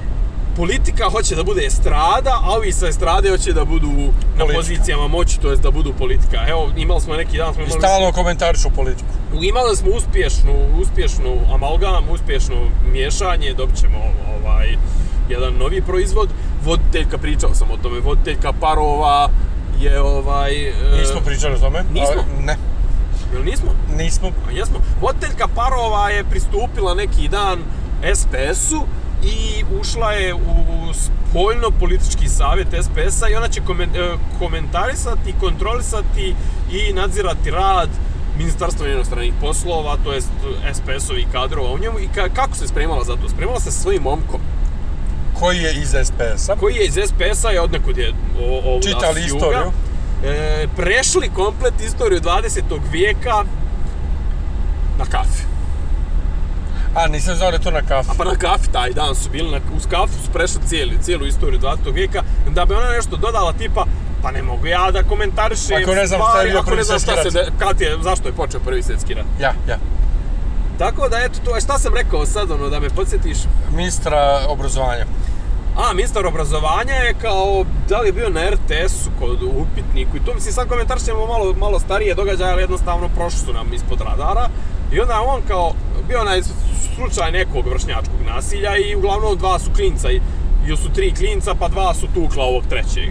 I onda kao ministar, kao copina, jel, kakva jest, onako, međed, on je kao da, da ispadne simpatičan ili, ili duhovit, to sve je rekao, a mislim, ovo, pogledajte ovog malog ovog koga su tukli to sve, mislim, pa njemu na čelu piše, ono, maltretiraj me. Razmišljam da si to pričao u podcastu ili ali mislim da nisi. Ali znaš užas. Jebote. Znaš kao, i znaš kao, i sad to je, e, ali kažem, to je taj, to je taj način ophođenja koji, što je neko danas napisao u, u, u baš apropo Čekaj, čekaj, sam vidim koliko nam je ostalo. 100 km. 141. Au jebote. Ali sporo prolaze ovi kilometri. sata, brate, minimum. Ovaj, uglavnom, e, neko je to danas lijepo napisao u, u, u vremenu. Znaš, kao, sve to počinje od glavi. Sve to počinje od glave i sad neki dan je neko okačio na, mislim, na, na Facebook stranici dosta je bilo, je okačio on- onu čuvenu njegov onaj, jeli, glavnog našeg, čuveni njegov onaj nervni slom koji je imao kada je predstavljao, ja mislim, vladu u skupštini, pa kad su mu oni držali onu držali mu, nisu htjeli, znaš, nisu htjeli da dobacuju, nego su mu držali neke papire, oni dosta je bilo, ono, Pinokio, govornik, e, zamjenjuje, mijenja teze, govornik se ne drži e, dnevnog reda, ono, i on kao, i znaš, nego njegov ono kao, ne može da, da se suzdrži, znaš, kao, "Ha, ajde, ajde, ajde, pokaži ponovo, ono, evo ovog, Baron Minhausen, evo ovog, Mislim, što nije smio sa mnom da se susretne, nego sve mu noge udaraju u zadnjicu od straha, pobegao tako. Ha, ovi ljudi, daj meni to što ti koristiš, ali on zapjenio, zajapurio se. I sad recimo da ono, trickle down efekt, e, e, efekt je, znaš, to siđe, ovaj, hoćeš? Neću, nego evo sad, evo ti eko pumpa, mogli smo lijepo da kupimo kafu, normalno neče, uh, ovaj, ja Nemanji pokazujem da prolazim upravo pored eko pumpe sa pravim srpskim ovaj, odmaralištem, E. gdje ima da se kupi kafa sa poklopcima. A nisam ja bio za ono, svakako, ali eto što. Za e, koje ako ono? ništa čuti, dobar je put, za onu, za onu, e, za stajanje tamo. Pa ne, ne, ali kafa s poklopcima bi Da. ovdje sigurno bila, a sad imamo kafu u plastičnim čašama, običnim, Ali je, ali je jeftinija. pra, dobro. Ovaj, uglavnom- Nego daj da pređemo na entertainment. Čekaj bre, samo da završim. Znači, poenta je, imaš to nipodaštavanje svega, imaš taj sileđijski rečnik koji počinje od Vučića pa se prenosi na Dačića koji je ono u tom fazonu tom nekad su ljudi političari, jesu oni govorili suvoparno, ali su to makar država se neki nivo priče. Ja i ti da odemo sad recimo, ne znam, da gostujemo u nekoj ozbiljnoj emisiji, ne znam, na N1 trenutno. Pa jesi vidio, da- vidio si mene na, na televiziji kad u, u prelistavanju na, na studiju Tako B, je, tako je. ovaj, ili gdje sam ja, gdje sam ja skoro sve nešto bio na televiziji? O dobro, bio si ovo ljeto, si bio na, na ovom. Ne, bio si, davao si ovaj, snimao si ono za kampanju ovu, bit će bolje. Pa dobro to, ne, ne, to nije televizija. A ne, prevodio sam na RTS-u Mhm. ovog pisca, ba ja. Tako to. je. Znaš, ali ti si političar, ti si, ti, ti sve što kažeš, to je, ide u, u, u etar, to ide u javni prostor. Znači, ti moraš da držiš nivo razgovora, ne možeš da klošariš i da... A naši se trude da budu što klo, klo, veći klošari, zato što očigledno nisu bili klošari kad su bili mali. Vulin nije bio vojnik kad je bio mali, pa zato viče sad da treba da se spremamo za rat. Ovaj, Mi vojnici, rekao mi vojnici? ne znam da li da i mi, ne, nego rekao je vojska treba, mi, vojska treba uvijek da se sprema za rat, a na političarima je da taj rat izbjegnu. On je kao, on je postavio stvari potpuno naopako.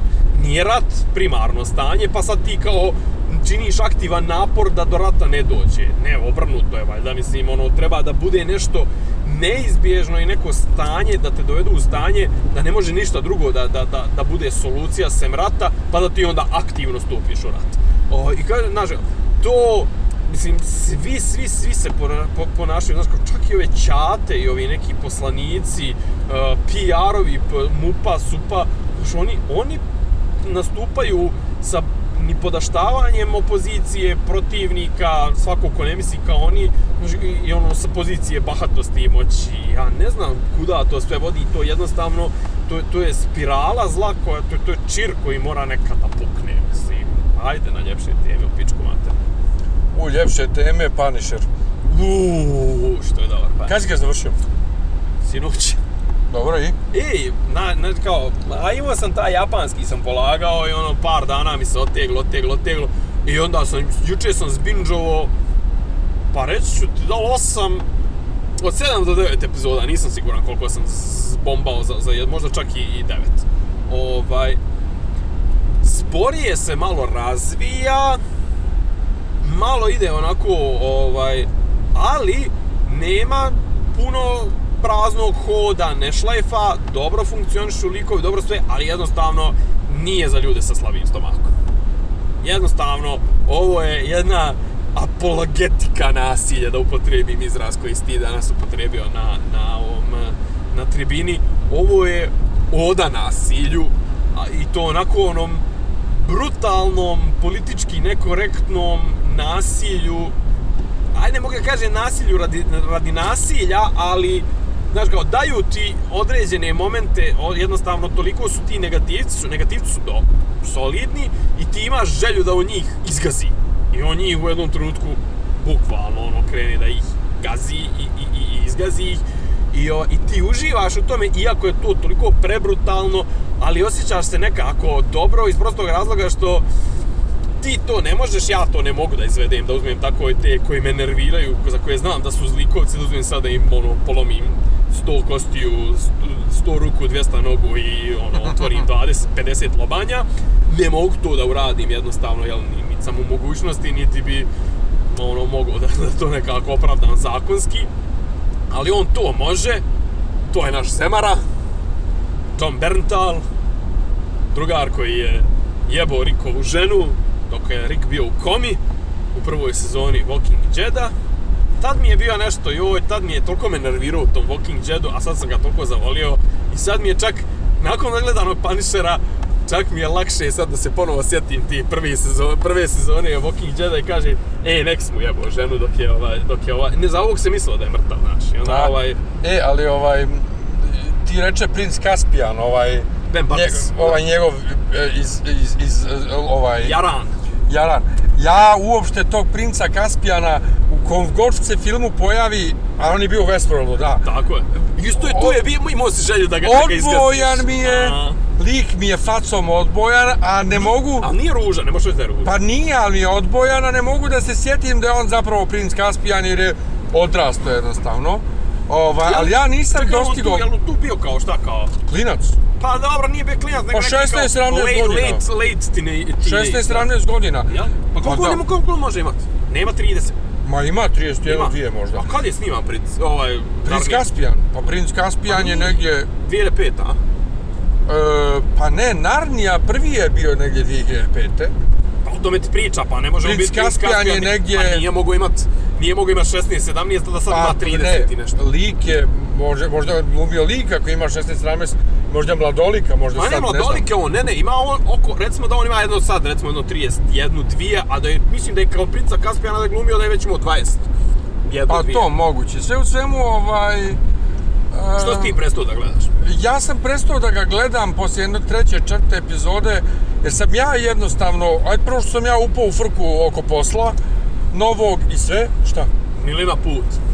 Što je čista, I ne pada snijeg, e, to je snijeg. u poređenju s onim po, po čemu smo Da. došli, ovo sad Nije je... u čemu, po čemu smo se vozili prije 10 minuta. Nije, nije, nije, nije, nije ni tad bilo toliko Ne, stani, strašno. kad smo stali, Kad smo ogromne izlazili- pahulje su Da, padale. da, to je. Ja sam sliku i okačio na face malo Jesam, prije. dobro. Ja šta sam, znači, ovaj, sad odjednom nema snijega i čist put. I nula stepeni, znači nije put smrzo, to je vrlo bitno. Dobro, Dakle, ovaj, upao sam u tu frku s poslom, nisam vremena kada gledam. dobro.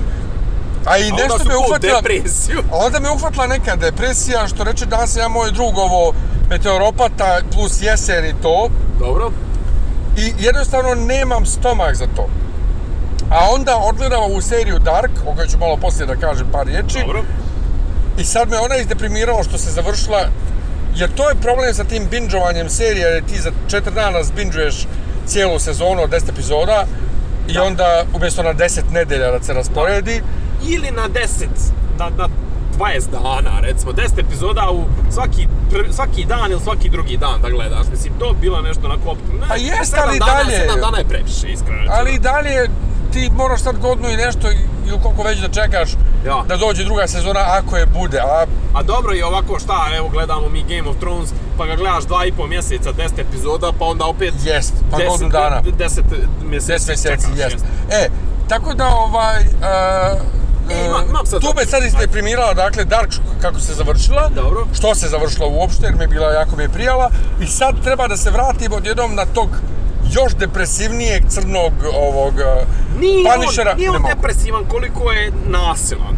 Pa jeste, ima tu posttraumatsku depresiju, brate. Ima, ima, Znaš, ne mogu, to men, ima, meni je to ali, teško. ali kako da ti kažem, Meni je ovaj, to podsjećanje u svakom minutu epizode da je on ostao bez žene i djece, ono, To i naporno. generalno ta priča malčice, sekundicu je, kažem, ali ima ona svoj smisao. Malčice je naporno to potenciranje te priče veteranske.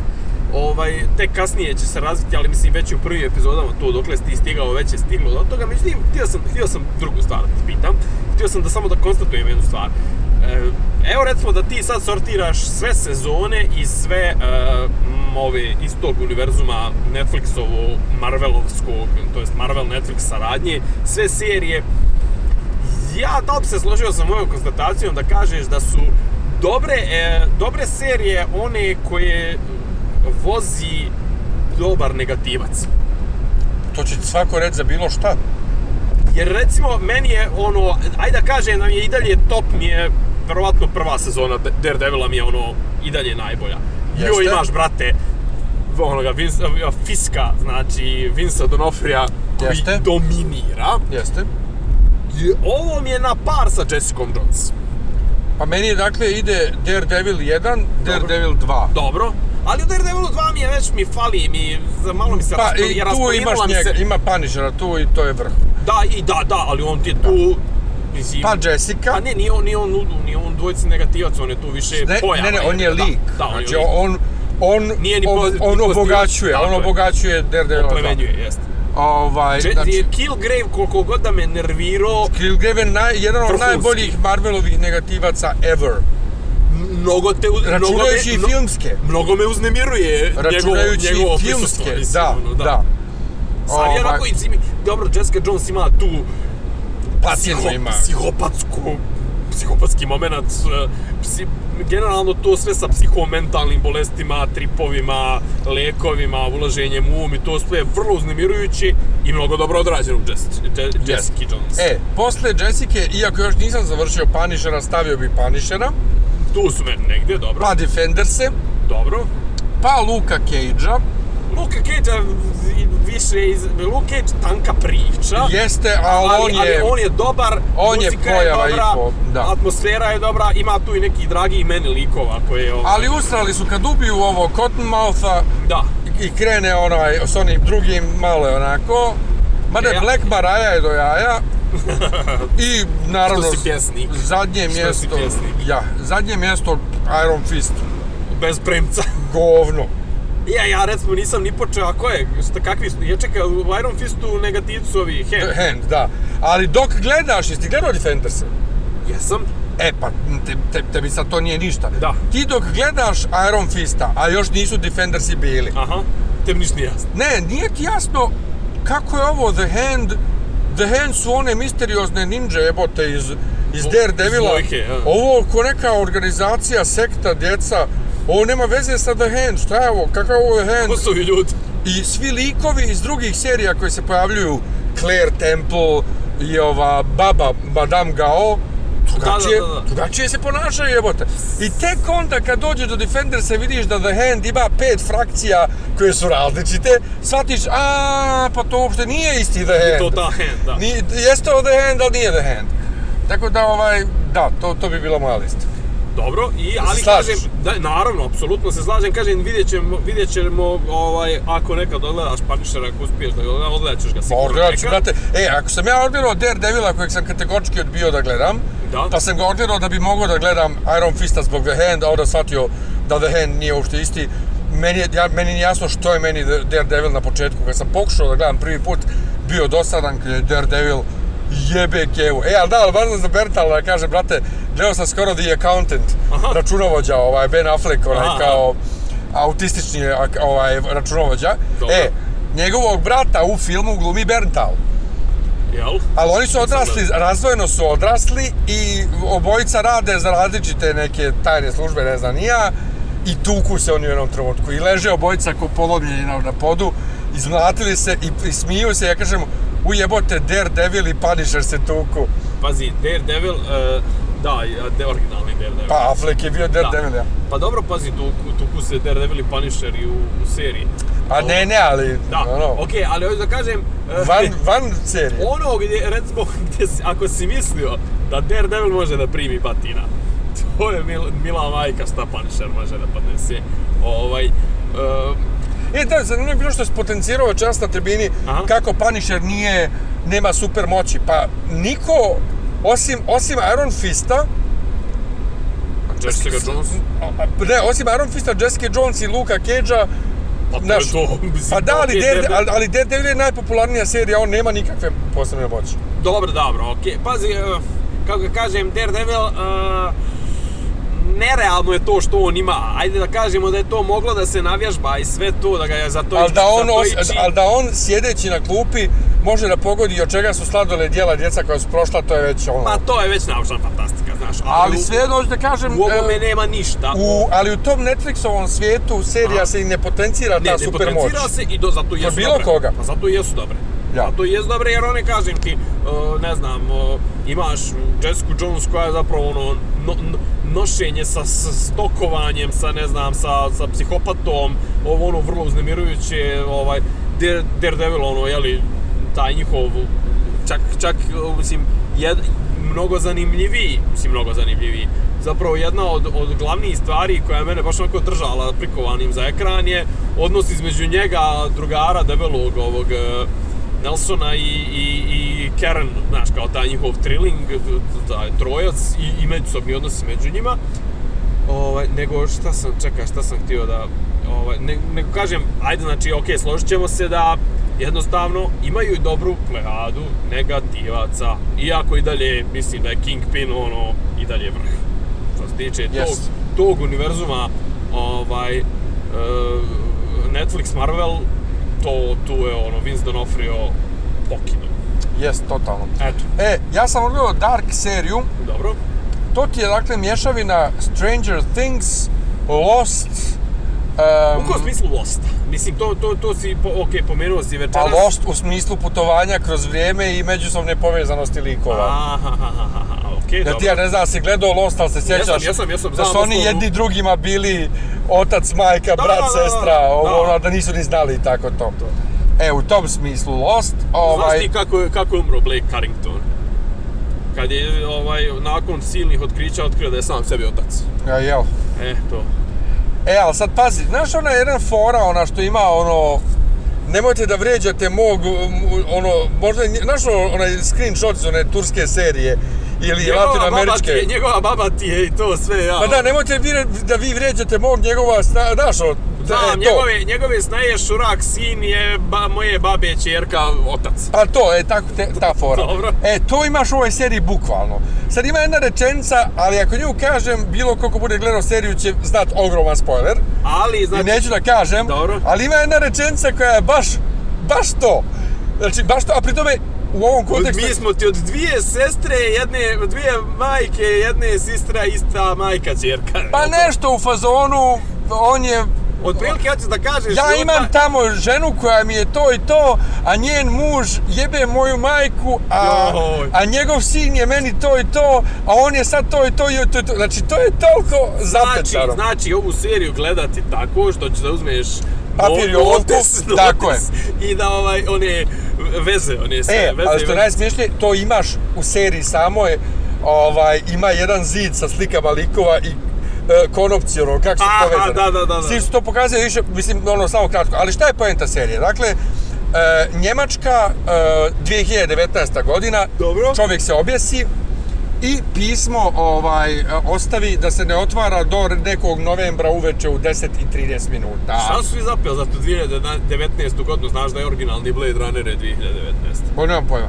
Ovaj, I fora je... em, što naučnik jedan na početku kao priča ono voice over da a, vrijeme, prostor, ovo ono, sve to izmišljeno, sve to je jedan veliki krug, jedno u drugo uspojeno, prespojeno, bla bla bla. Ovaj krug sam smislio, ovaj krug sam stvorio. I onda ima, na, na, na, nastavlja se priča, dječak je nesto, pa nestane još jedan, pa tu krene potraga, pa, ovo, pa ono, pa putovanje kroz vrijeme. 2019. 86. 53. po 33 godine ciklusi. Dobro. Koliko? 33 godine. Aha. A koliko su ono kod Kinga? 27, jel? 27, da. I onda, i tako, svašta se desi. Ovaj, likovi su jako zanimljivi. Dobro. E, snimano je jako zanimljivo, onako je što ja rekao, unapologetically, ovaj, odnosno bez pardona evropski, A, pa dobro. sivo je, dosta je sivo, ne pršti od boja. Čekaj, je li to Netflix original ili? Jest, jest. Znači, ne pršti od boja, A ona, e, kako to, Vilnevovski. Da, malo mjesto u Njemačkoj koje živi, koje živi od ovog, e, e, kako se to zove, od nuklearne elektrane. Aha. I sve vrijeme ovaj kamera kad leti preko snima tu neku šumu jer u šumi su te pećine koji, ko, koji, u kojima ima to neko, neki prolaz, nešto. I to je jako čudno, znači ovo sve vrijeme misliš, imaš utisak da oni žive u šumi. Dobro. Da niko ne živi u tom, da nema gradića uopšte. Reci me, reci, šta je zlo tu? Ko je protivnik? Protiv koga se borimo? Sami protiv sebe? Protiv svoje prirode? Jel ne, jel ima to kao, jel ima neke veze sa tom elektranom, sa ovo, jel ima nešto nadprirodno? Nema ništa. Pa nadprirodno je to putovanje kroz vrijeme. A, Ali to je nešto kao, eto, kvazi naučno objašnjeno. da, to je kao Interstellar. E, nije, ne, ne toliko loše, ne tako. toliko loše, Ali poenta je... Poenta je... Zašto? Znači, to- to ima je za- jedan lik za kojeg ne znaš s kim je povezan i ko je i šta je. Svi ostali su nekako povezani. Ja ću morati još jednom da gledam da vidim ko je tu kome zapravo šta i ko je šta s kim. Dobro. Ali je... Vrlo je, kako kažem... Apropo priče, Rastu- zašto, zašto bi gledao čovjek? Apropo, Pa ok, pazi, kažeš dobro je snimljeno, Ako dobro voliš, ono, dobro. ako voliš Stranger Things, ako voliš Lost, ako voliš zapetljane priče o putovanju kroz vrijeme, A ako što voliš... govorite, govorite Stranger Things, zar nije originalna ona Strange Things? Šta Stranger Things? Serija se zove Stranger Things. A druga sezona? Obe se sezone zovu Stranger Things. mislim da se prva zove Strange Things, a druga, da, da, a druga Ne, Stranger serija Things. se zove Stranger Things. Aha, ja sam bio bio da se prva sezona zove Ne. Strange, a druga Stranger Druga se zove Stranger Things 2. Jel se zove? Aha. 2. Jebote, Znači kao nastavak. Nisam vidio dvojku. Evo, tripuo sam skroz. Sve u okej. svemu- Dobro. A E, šta kao malo ima udara i na tu nostalgiju i to, jel? Mislim, E, 80-te ovo, ono. Pa to ima toga, Jel ali... se čuje Nena i Noj Naravno. Lupalo? No, da. Ne, ne, no, no, no, druga jedna pjesma Nenina. Dobro, nije Nena... Ali pazi, jako je što, što je rekao neki reviewer negdje na internetu, hard to watch, ali ne možeš da je ostaviš. Znači, malo je onako, emotivno je, udara na emocije jako, razumiješ? Jer kad krene to da se razvija šta i kako, Aha.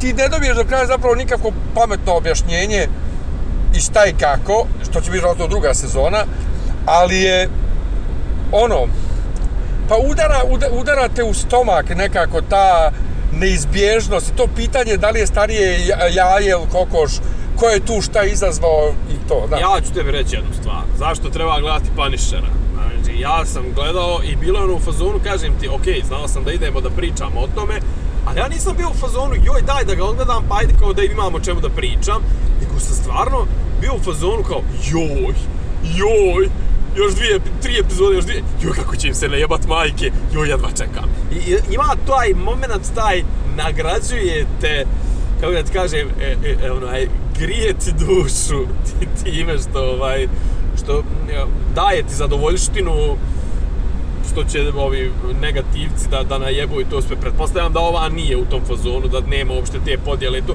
Jer Punisher Ne, je- nema, ima, pazi, ti Punisher- tražiš ko, je ubi, ko je ubija djecu. A hudanici, aha. Znači, ti tražiš ko je taj ko Da. ubija djecu. I to se sve odvija, razvija i ovo ono, imaš ti otkrića velikih i malih, ali je poenta više u tom, u tom fascinaciji putovanja kroz vrijeme, odnosno toga ko je šta, ko je pokrenuo niz događaja. Da. Razumiješ? Kao ono, Otkud ovo sve da se Imaš ti u Lostu ono gdje uh, John Locke putuje kroz vrijeme, odnosno oni svi putuju kroz vrijeme, i gdje onaj Richard njemu da ovaj, uh, ovaj mali, kak se zove, jedan ovaj kompas, koji on njemu treba u prošlosti da pokaže, ne, u budućnosti da pokaže, da bi mu dokazao da je on njega sam poslo, a onda on njemu vrati taj kompas da bi on njemu tamo poslije ponovo vratio. Dobro, imaš Znači- ti to i u Westworldu, mislim. Pa imaš ovo- svugdje to, to, ti to, tu, To, ko je tu to? petlju. Da. Tu petlju Zbog paradoksa. čega je ovo sve počelo i... paradoks da, petlje, to- ne, ali to je taj paradoks petlje šta je starije, kokoš ili jaje, bukvalno okej, to. okej, okej. Tako da zato treba da gledate ono jednostavno je fenomenalno je za gledati. Ovaj, plus kažem što je totalno evropska i na njemačkom, jebote.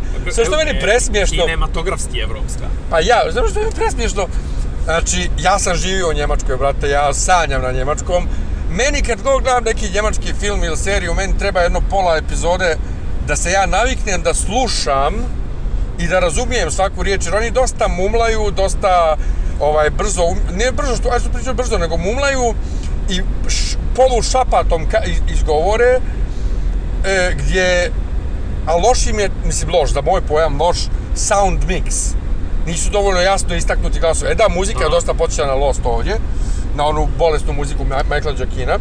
Tako da, ovaj, to, a ako ne volite da slušate njemački, brate, pustite ovaj, sinhronizaciju englesku i gotovo. Ima i to. Naravno. Ozbiljno. Da. Šta kao dabavano.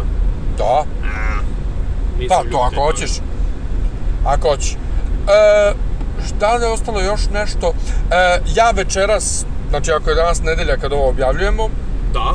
Večeras ko hoće može mene da dođe da gleda na Merlinka festivalu od 9 uveče e, stand-up nastup politički nekorektno sa ne u, zagradi.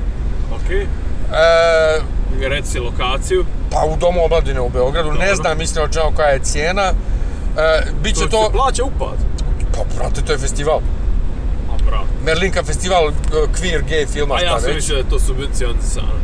Ne, ne, ne, ja mislim da se plaća. Zapravo nemam pojma iskreno rečeno. Ajde bre, pa na... Blage veze nemam. Na Pride, Ali- na Pride je džaba. Ali je poenta, neće biti predugačko, znači neće biti dugačko, bit će kratak nastup, ali bit će ono, neke, ne znam da sam ja išto od tih priča pričao u podcastu, A dobro, i ako nisi, svakako doćemo da te ne, potpuno... iako jesam, I ako nisi, ako jesi, da. Ovaj, sve u svemu, ovaj, eto, Vidimo se. ko hoće uživo da, me, da, me, da, da vidi moj stand-up, dođite večeras. Imamo li još nešto? Ništa, to je to. Čućemo se onda sljedeći vikend, da? Čujemo se, ako, ako se šta ne do Bog vanredno desi. Ovo, šta smo rekli sljedeći vikend? Da, sljedeći vikend je Gamescom. Pa, ko je zainteresovan, to je na sajmu, ovaj, ove, o, na sajmu. Uh, Šta si ti rekao, na kakvom bi ti tamo mogao biti kvizu? no, neki opšteg znanja, mislim, nešto je tipa slagal se, nemam pojma, drugar me zvao, još nismo ovaj, sve utanačili, mislim da čak još uvijek i ekipu okupljamo, tako da, ovaj, ne znam, vidjet ćemo da, da, da se skupimo, mislim da su ekipe su ovaj, turnirski je valjda tip i ono, slagalca, pitanja slagalca, znači opšte obrazovanje, do četiri čovjeka, ili čak mora da bude četiri čovjeka ovaj, u ekipi, ja inače ove, ove godine, ovaj, stvari ove godine, još uvijek ove 2017. O, ovih dana razmišljam nešto o nabavci neke gamerske opreme, tako da ću svakako da odem da zabodem taj Gamescom. Vidimo se tamo, ko bude htio, a ako ne, vidimo se večeras ovaj, na Miljanovom nastupu. Ćao! Ćao! Slušate podcast od da Ivica i Rasim, neki vid dobro zvuči. Pa bukvalno, samo im fali popi, popi rabin, ono, da ulaze u, u kafanu. Klju, ključ je. Ne, ja sam raznog svoju sliku i je- Namjerno mi je kao Dopisi iz Disneylanda.